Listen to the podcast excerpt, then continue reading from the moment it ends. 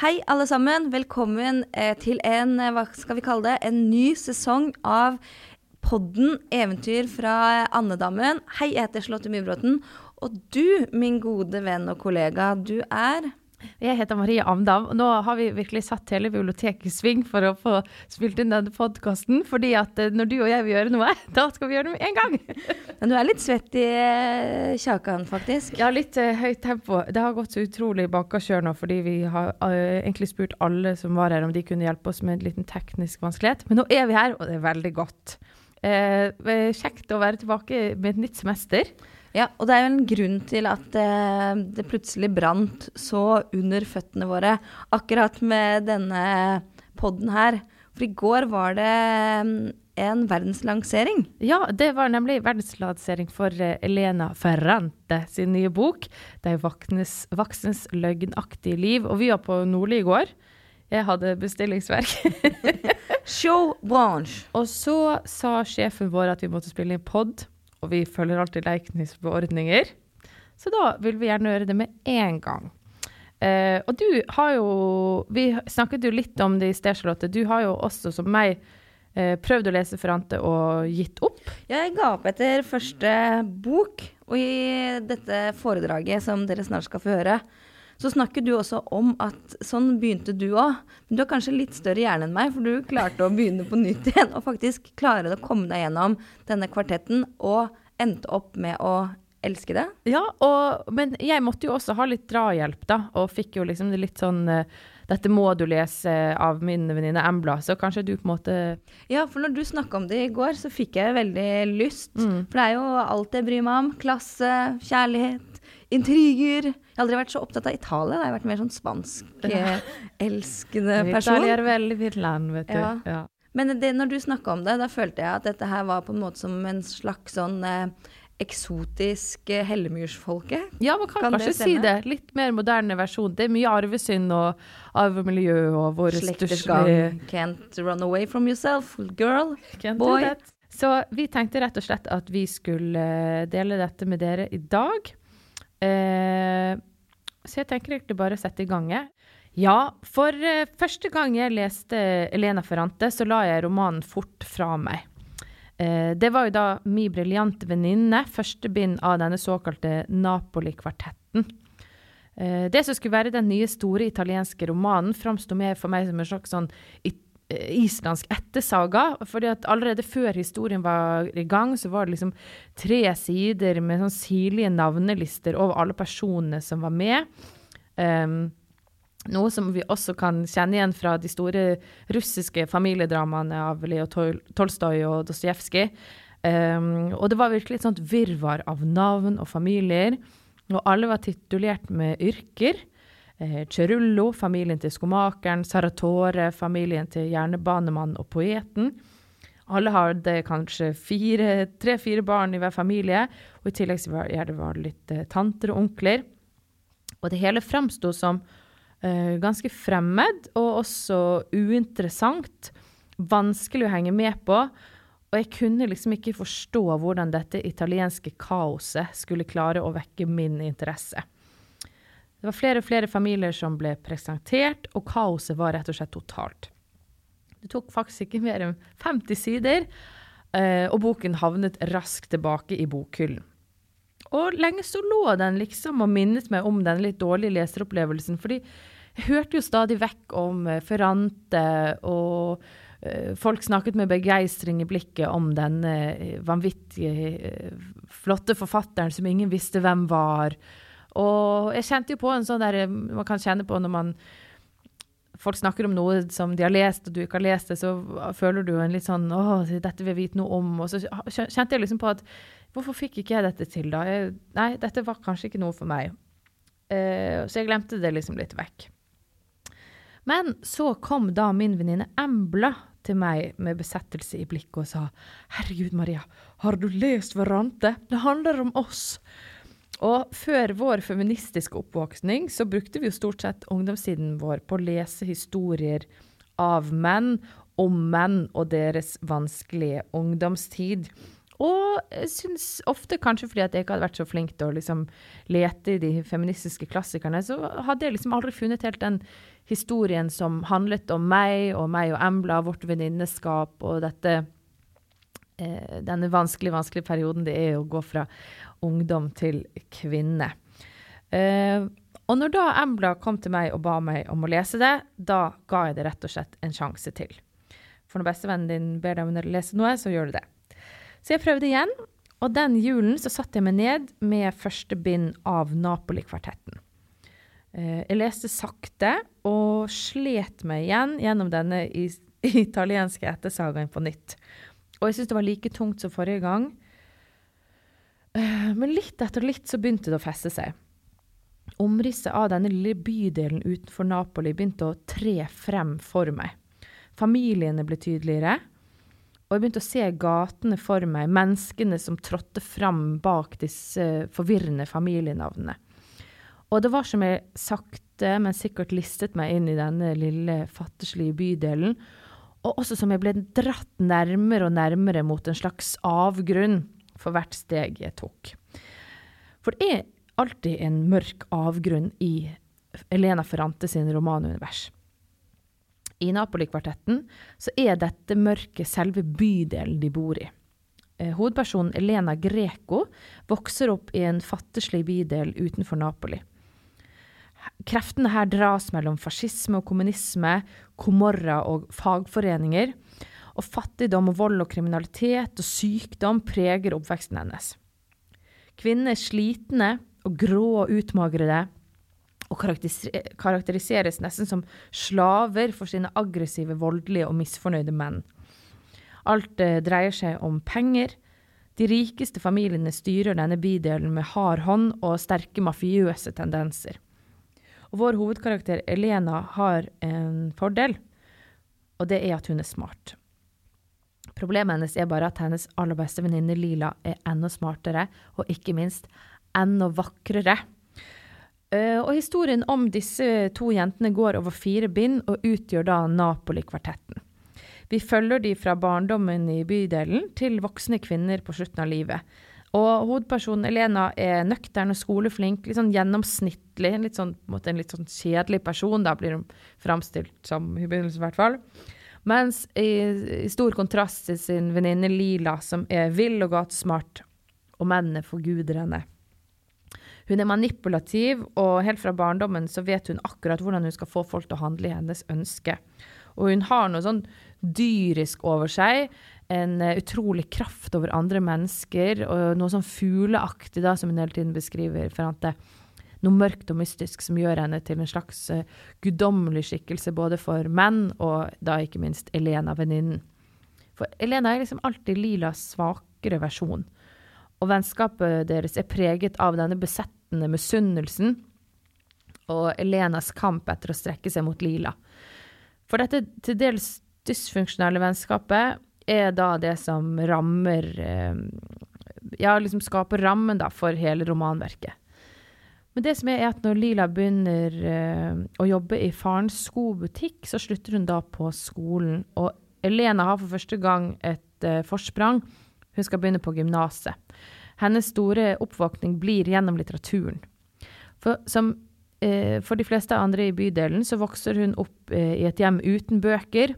Og når læreren hennes oppdager Elenas store interesse for klassisk litteratur, så begynner hun å skaffe seg flere og flere bøker og, og leverer til Elena. Og det er veldig vakkert liksom, hvordan eh, disse bøkene beskrives liksom, som noe helt magisk. ikke sant? Det der å få en, en, ny biblioteksbok i hånd, det er liksom som å få et stykke gull. Det er helt eh, Ja, det er virkelig noe sånn Det er helt uh, guddommelig over dette her, da.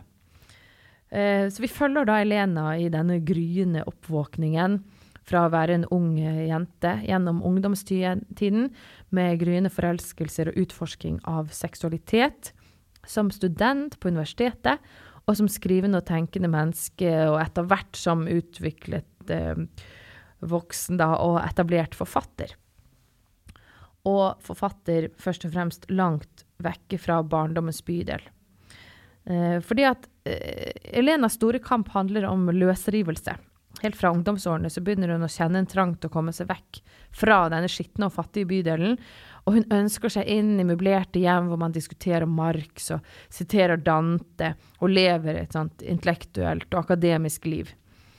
Um, denne søken etter det intellektuelle og livet utenfor bydelen med vakre liv med luksuriøse klær og alt det hun ikke har, eh, hun ønsker seg vekk fra bydelen og ønsker seg da å løsrives fra bydelen, men også å løsrives fra Lila. Eh, misunnelsen som hele tiden henger over henne. Eh, og hun sier veldig fint i en av bøkene dette med hvordan hun ikler seg en rolle, da, denne klasse Og skjuler på en måte klassebakgrunnen sin. Hun sier det at ja, gleda over å omskolere stemmer, gestene, måten å kle seg på, ganglaget. Som om jeg, jeg konkurrerte om førstepremien for den beste forkledningen. For maska som jeg bar så bra at den nesten var ansiktet. Alt det forsvant. Plutselig ble jeg oppmerksom på dette nesten. Hadde jeg klart det? Nesten. Hadde jeg rivet meg ut av Napoli, bydelen? Nesten. Jeg frykta de som visste å være kultiverte uten dette nesten, med naturlig sjøltillit.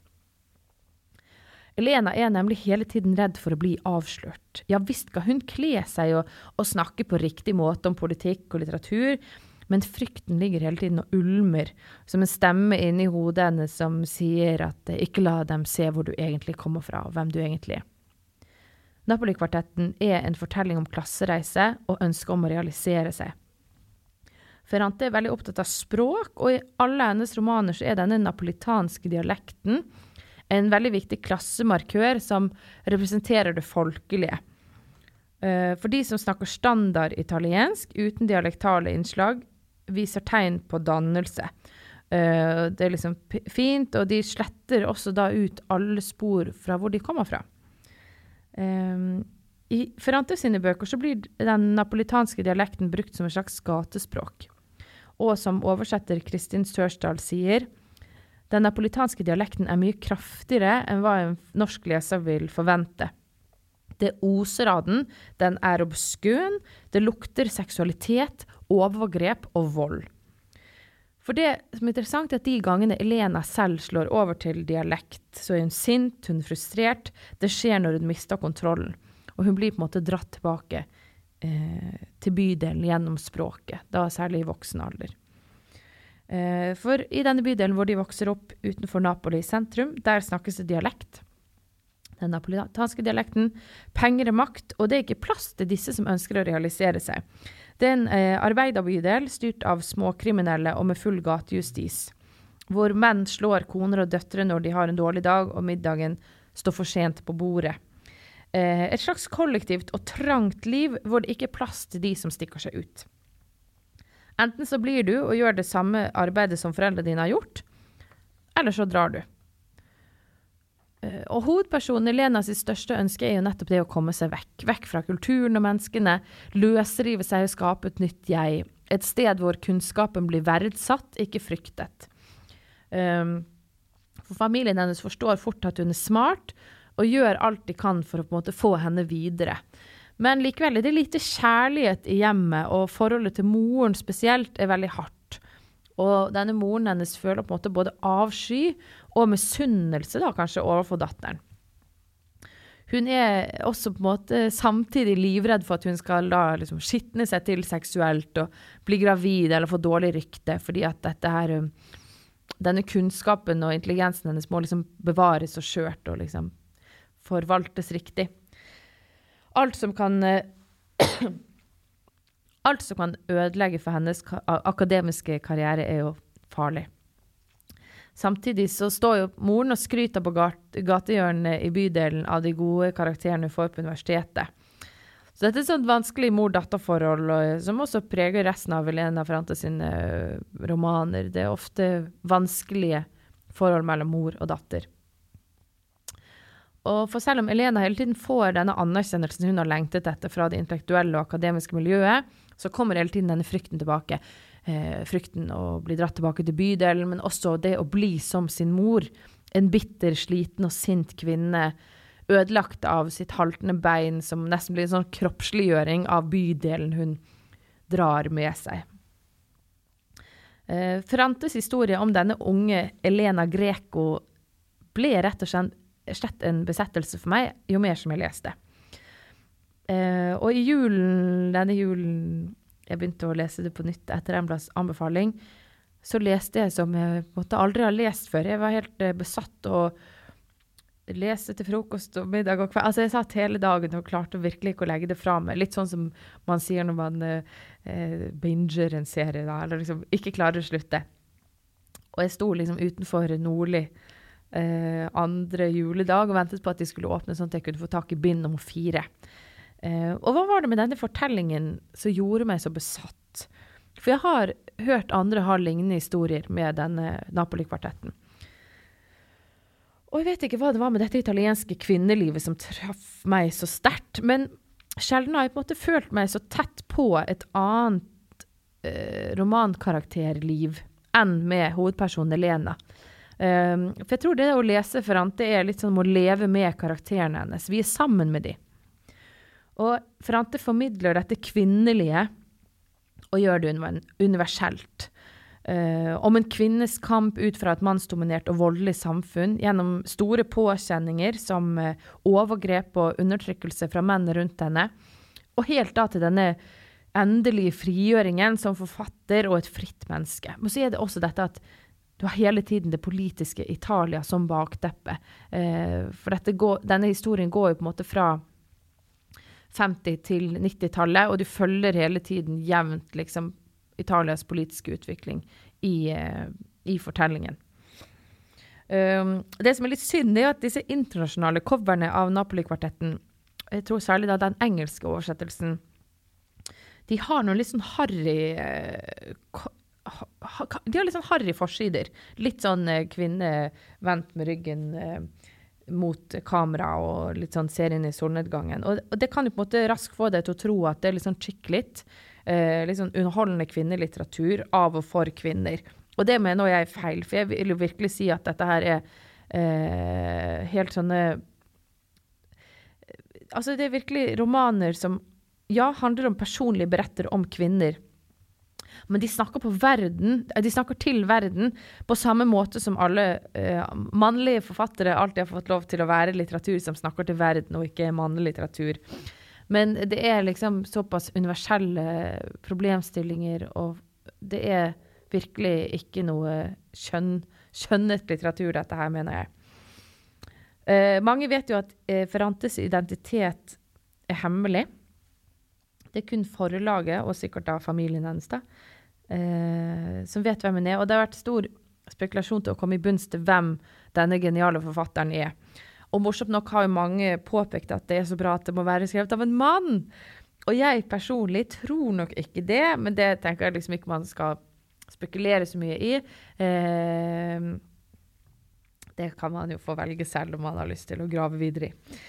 Men etter å lese denne Napoli-kvartetten så kastet jeg meg liksom over alt jeg kunne finne av Ferrante. Og selv om jeg aldri helt fant tilbake til denne magien jeg opplevde med kvartetten, så er de andre romanene hennes nært slektet med på en måte miljøet og stedene og konfliktene. For det dreier seg rundt um, store kriser, uh, vanskelige familieforhold, med særlig da vekt mellom mødre og døtre, som er en sånn evig uh, evig problemstilling i, i romanen hennes. Og hun skildrer karakterene sine så ærlig og avkledde at jeg tror vi kjenner igjen våre egne mørke sider.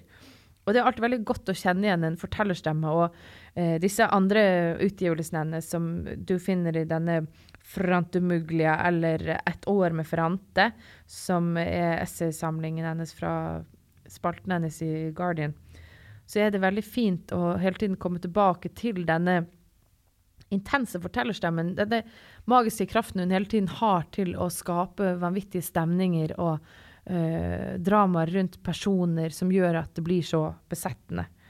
Og gjør at du ikke klarer å lese, uh, legge bøkene fra deg.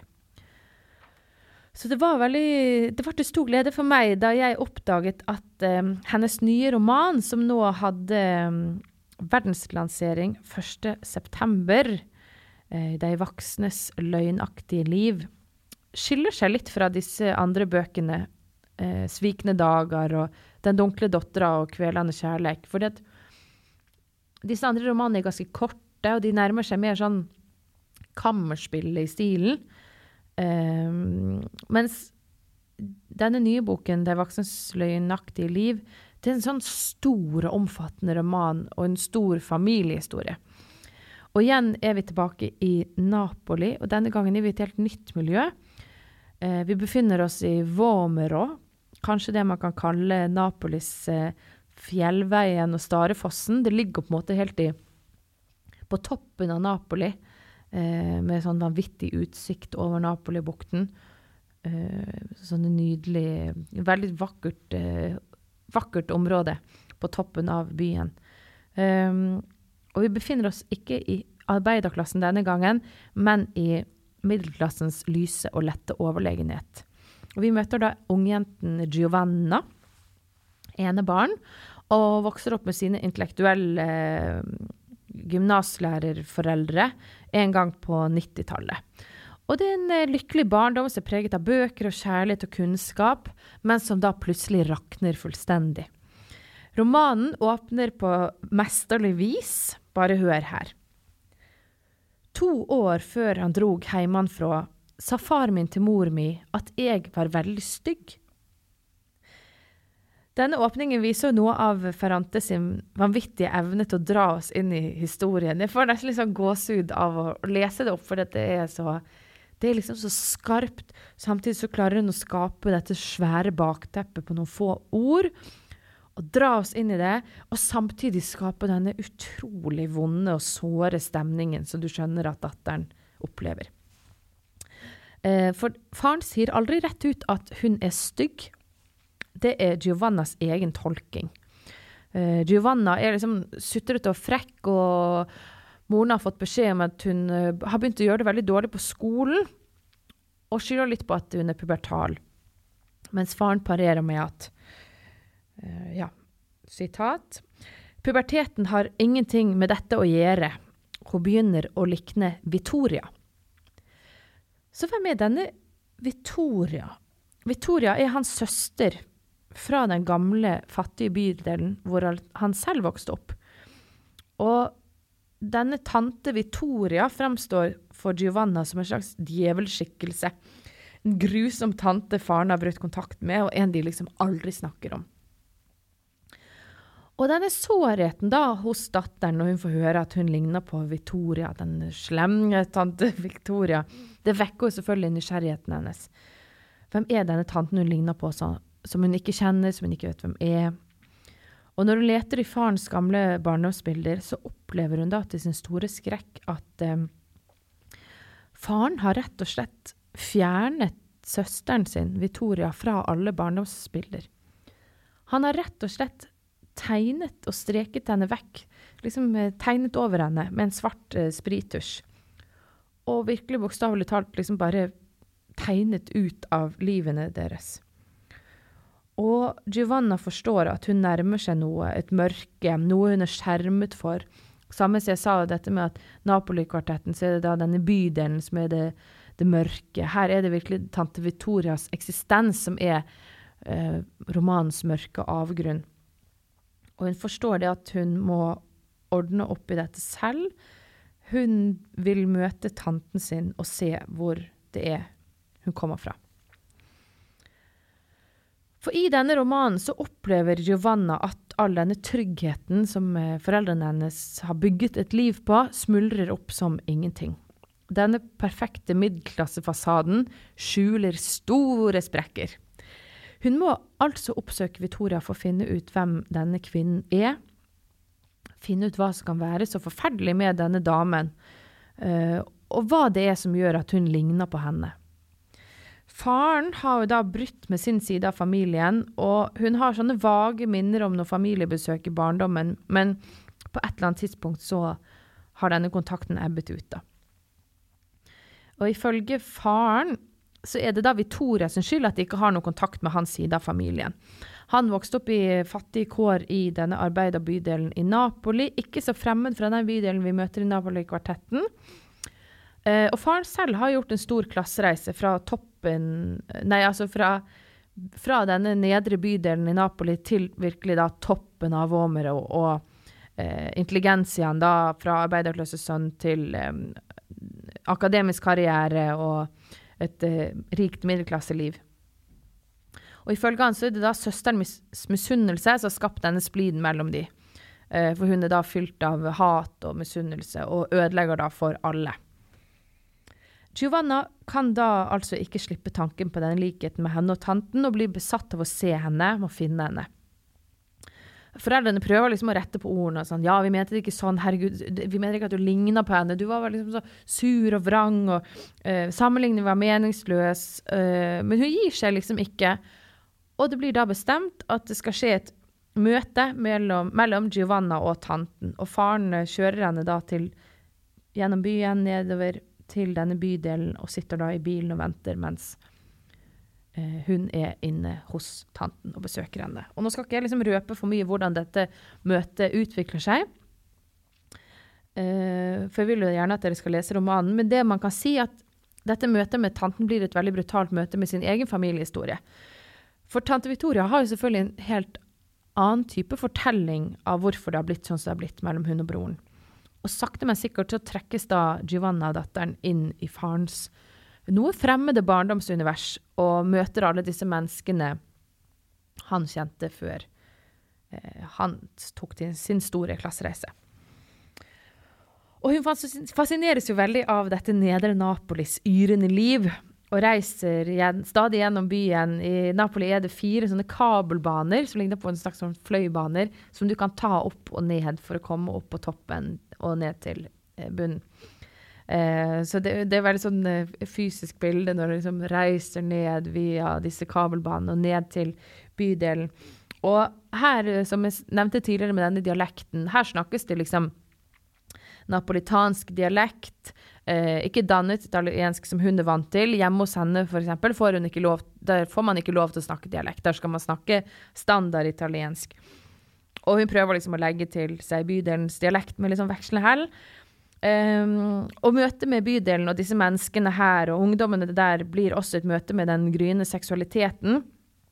Her i denne bydelen er på en måte eksotisk for guttene i forhold til de hun studerer med, som er på en måte vanlige kjedelige middelklassegutter. Her er det mye mer sånn um, frekke gutter med lua på snei, som er liksom eh, tøff i kjeften og litt sånn uh, frekk i trynet.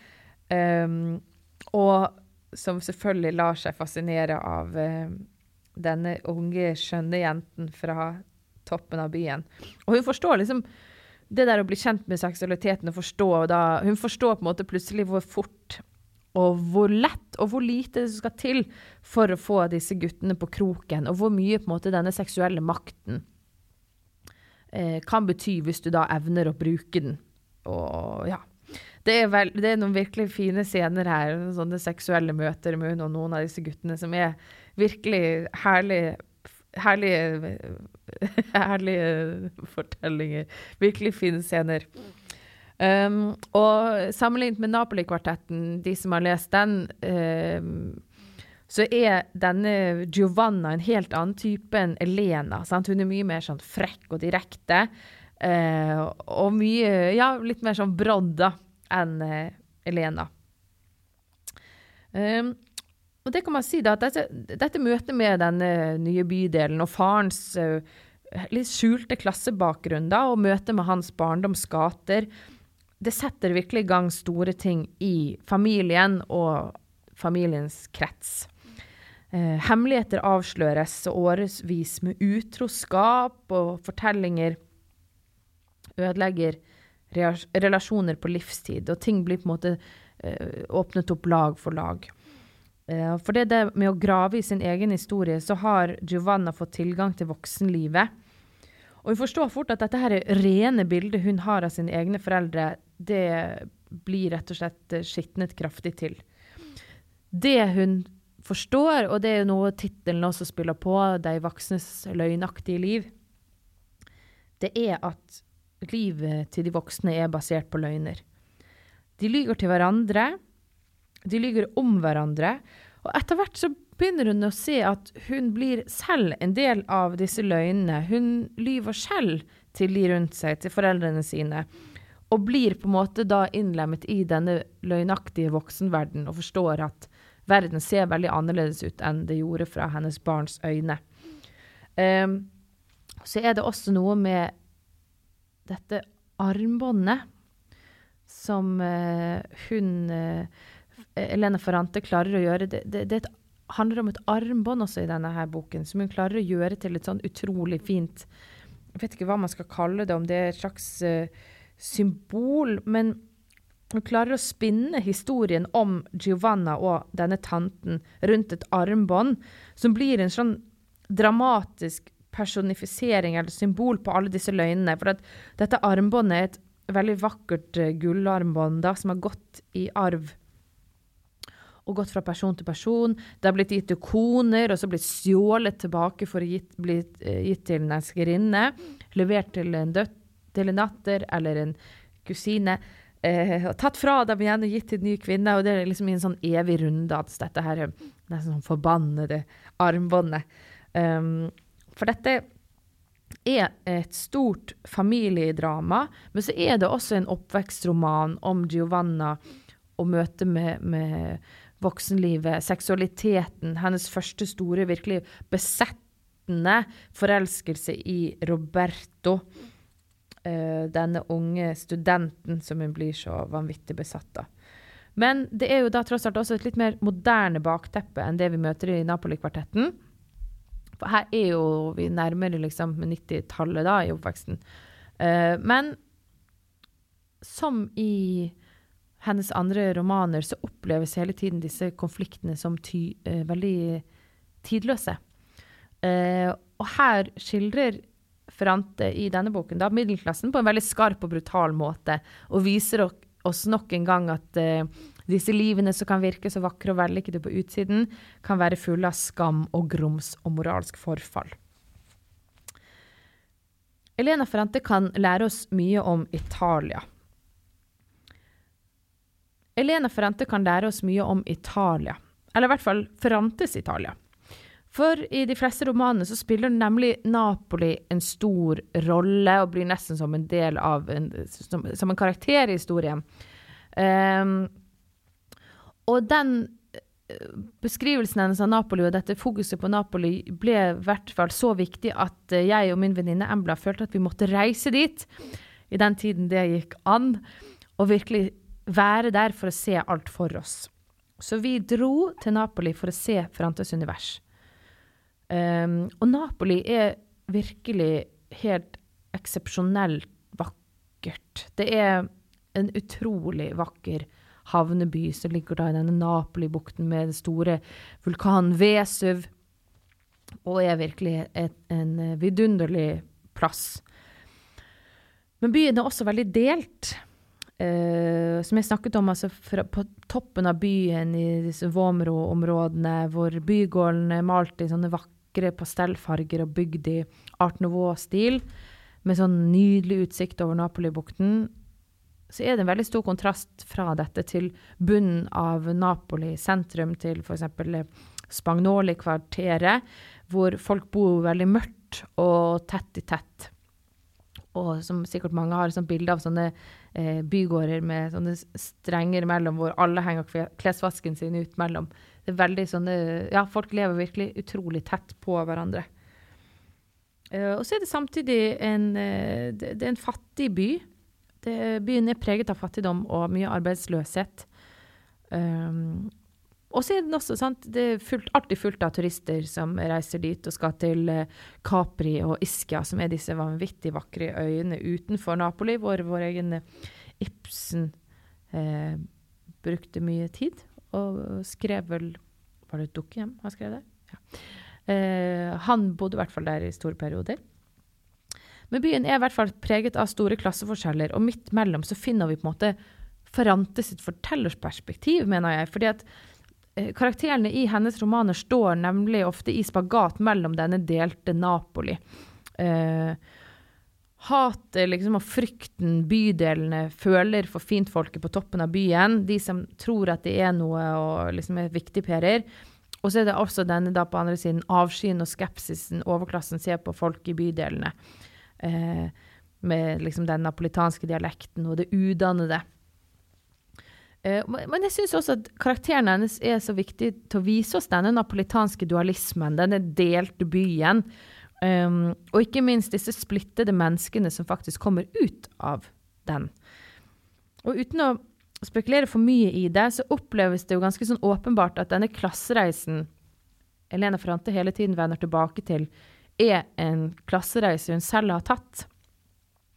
For selv om eh, bydelen på en måte skildres veldig hardt og brutalt, og med mye vold og undertrykkelse, så er det alltid med en sånn sårhet og varme og en veldig sterk kjærlighet til alt det gode som tross alt fins i disse miljøene.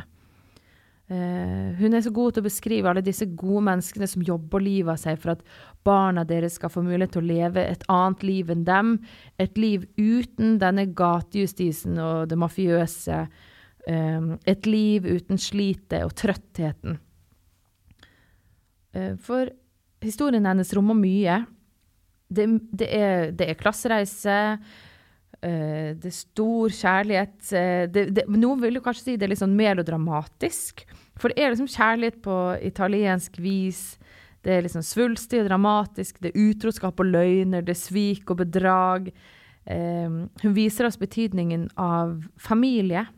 Det tror jeg er veldig viktig. Dette med hvordan vi hele tiden tror at vi kan løsrive oss og prøve å framstå som frie mennesker, men samtidig opplever at våre familiære bånd hele tiden ofte tvinger oss tilbake i rollene. Rollene vi hele tiden ønsker å bryte med. Vi blir liksom dratt tilbake på samme måte som Elena Greco i, med 'Briljante venninner blir dratt tilbake til denne bydelen. For hun viser oss nettopp, nettopp dette også med betydningen av å være fra et sted hva en plass betyr for hvem du blir, og hvem du er. Hvem du vokser opp med, hva maktstrukturene gjør med oss. Uh, hvorfor blir noen undertrykte og føyelige og små, mens noen blir store og modige og kompromissløse og ulydige. På vår reise til Napoli så drømte vi jo selvfølgelig at vi skulle komme i snakk med en eh, ja, kanskje litt eldre dame da, på en bar eller en restaurant som plutselig bare skulle tre fram og vise seg å være Elena Ferrante selv.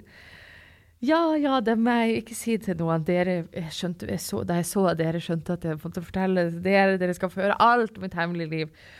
Uh, men vi møtte jo selvfølgelig ikke Elena Ferrante.